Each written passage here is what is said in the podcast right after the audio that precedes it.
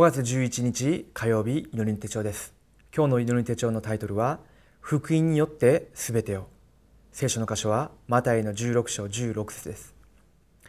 シモン・ペテロが答えていった。あなたは生ける神の御子キリストです。ペテロがこの告白した時にイエス様がおっしゃられたことがそのことをあなたに明らかに示したのは人間ではなくて天にいます私の父であるとおっしゃいました。そうしながらあなたはペテロだと。私はこの岩の上に私の教会を建てるというふうにおっしゃいました。私が正しくイエスがキリストだと。自分の人生に対してキリストの告白をするその時間に同時に伝道運動の働きが起きるようになっています。またキリストのこの岩の上に立っているということはどういうことですか。ハデスの門もそれには打ち勝てないとおっしゃったようにどういう地獄の勢力サタンの勢力が攻撃したとしても倒されることがないということです。天の御国の鍵を与えるというふうにおっしゃいましたけれどもそのキリストを告白する私たちがどういうものにも滅ぼされることなくキリストの皆を呼ぶ時間時間ごとに神様が天の扉を開いて地上にいる私に祈りの答えを与えられるということです。それであればどういう問題も問題ではないです。ですので福音によって全てのものを解釈して福音によって全てのものに処理することができます。今日一日をもう一度福音の中での大きな確信を抱いて始めていきたいと思います。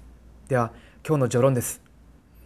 私たちは初代教会で行われた福音運動を正しく学ばなければなりません。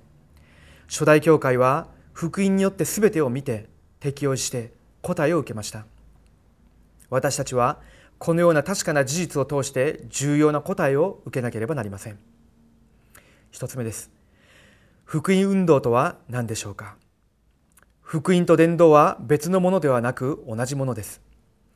福音が福音になるようにすることが伝道であるためです。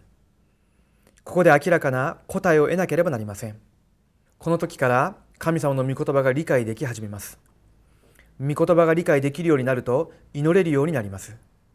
聖書に登場する7人のレムナントもこの中で幸せを味わいました。私たちも彼らのように福音の中で幸せな時間を持つようになれば素晴らしい力を得るようになります。そしてその中で深い祈りを味わうようになれば精霊に満たされるようになるでしょう。私たちが福音の中での恵み救いの感謝感激それなしに伝道運動をどれだけしたとしてもあがいてるだけであって本当の実を結ぶことができません。ですのでイエス様もおっしゃいました。私はブドウの木でありあなた方はその枝であると。枝がブドウの木に結ばれていなければ何もすることができないと。実を結ぶことができない。そういうふうにおっしゃいました。私たちが福音を味わうことが私に対する伝道だしとその自分自身が味わっている福音を他の人たちに伝えることが伝道です。その伝道運動のために私が力が必要なので御言葉が必要です。その今日の御言葉を探し出しながら祈りの中に入ることができるんであれば間違いなく霊的な力精霊10万を神様が与えてくださいます。少しだけ深い祈りの中に入るんであれば驚く力が現れるようになります。自分自身の現場を置いて伝道運動に対する重要な決断を下して祈り始めるんであれば今この時間にも精霊の働きがなされるはずです。では2つ目です。すべての中から出る答え。この時から出る答えがあります。1つ目私たちのすべての人生が福音運動のための土台として用いられるようになります。2つ目本格的にこの世を生かす働きが始まります。3つ目私たちが持っている専門性と才能が生かされるようになります。4つ目この時から事業学業が生かされ経済の祝福が回復し始めます。このように神様はあまりにも簡単なところに答えをくださったのですが私たちは未信者のように違うところで探そうとしています。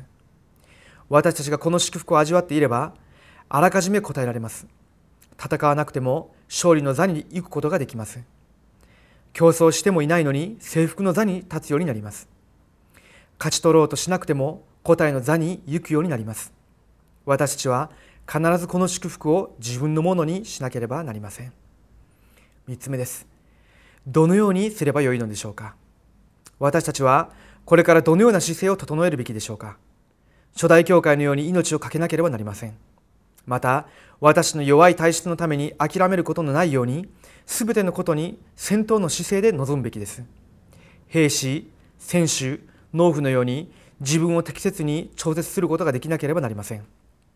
この時過去が癒され今日生きながら常に伝道と御言葉祈りを思うようになります。いつもその祝福の座にいられるようになります。そしてこれが他の人に伝えられます。この時から未来が癒されるのです。今年に入ってから継続して今日の伝道御言葉祈り伝道者のナンスの生き方についてのメッセージが出てます。皆さんも実践していらっしゃるかと思います。レムナンたちと一緒にこれをしたり多くの指名者たちと一緒にこれをする中で韓国の人日本の人他の国の人関係なく難しいそういうふうに言う人がいます。自分自身もやりながら最初は無理やりやっているような感じで味気がない部分もありました。ですけれどもやっていく中であ自分が毎日伝道と全然違うことを考えてたんだな。そういうふうに気づくようになりました。もう一つは進めていく中で自分自身が地下鉄に乗ってもまた飛行機に乗ってもと食堂に行ったとしてもいつもどのようにしたらここで伝道できるか。と伝道資料を準備して伝道資料を渡す中での喜び。何か不思議と24時間伝道について考えるというのがこういうことなんだな。そういうことを思うようになりました。と伝道現場として自分の生活が見え始めるようになるので今日の御言葉が生きるようになるし祈りの課題が明確になっているんだな。そういうことをつくづく感じます。そういうふうにやりながらもまたある時怠けてみたりまた疲れてみたりすることもあるでしょう。ですけれどもその時その時ごとに私が諦めさえしなければいいと思います。農夫競技者兵士の特徴が何ですか？絶対に諦めないことです。ともう一つは誠実さです。私が少しだけ伝道者として生きようと自分の現場を置いて自分の人生全体を置いて決断しながらこの部分を実践していくんであれば神様が自分と共にいらっしゃるんだなということを自分の生活の中でもっと深く実感するようになるかと思います。今日もこの祝が皆さんと共にあるように一緒にお祈りしたいと思います。今日のフォーラムの次第です。福音の中にある祝福を黙想しましょう。福音の中に深く入るためにはどうすればよいのでしょうか。お祈りします。生きとられる神様に感謝を下げます。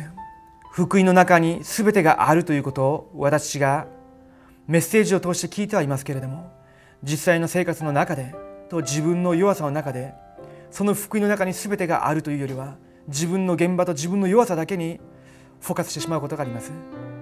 神様今この時間にも私の目を福音の方に向けさせてくださり福音の中にいる自分自身の身分と権威を確認し確信を与えてくださりその中で今日私が行く現場に神様の伝道の計画があるゆえに今日の伝道を発見させてください。神様が与えてくださった御言葉をそこにつなげていく中で実際的に神様が今日私に与えようとしていらっしゃる祈りの答えを発見させてくださりその中で自分の人生に神様の力が現れ私の現場が生かされ自分たちの学業専門性が生かされ経済の答えを受けローマ書16章のメンバーたちのように唯一性の答えに預かるレムナントを示したとして日本の現場を生かすものとして主が立たせてください。生きとられるイエス・キリストの皆によってお祈りします。アーメン。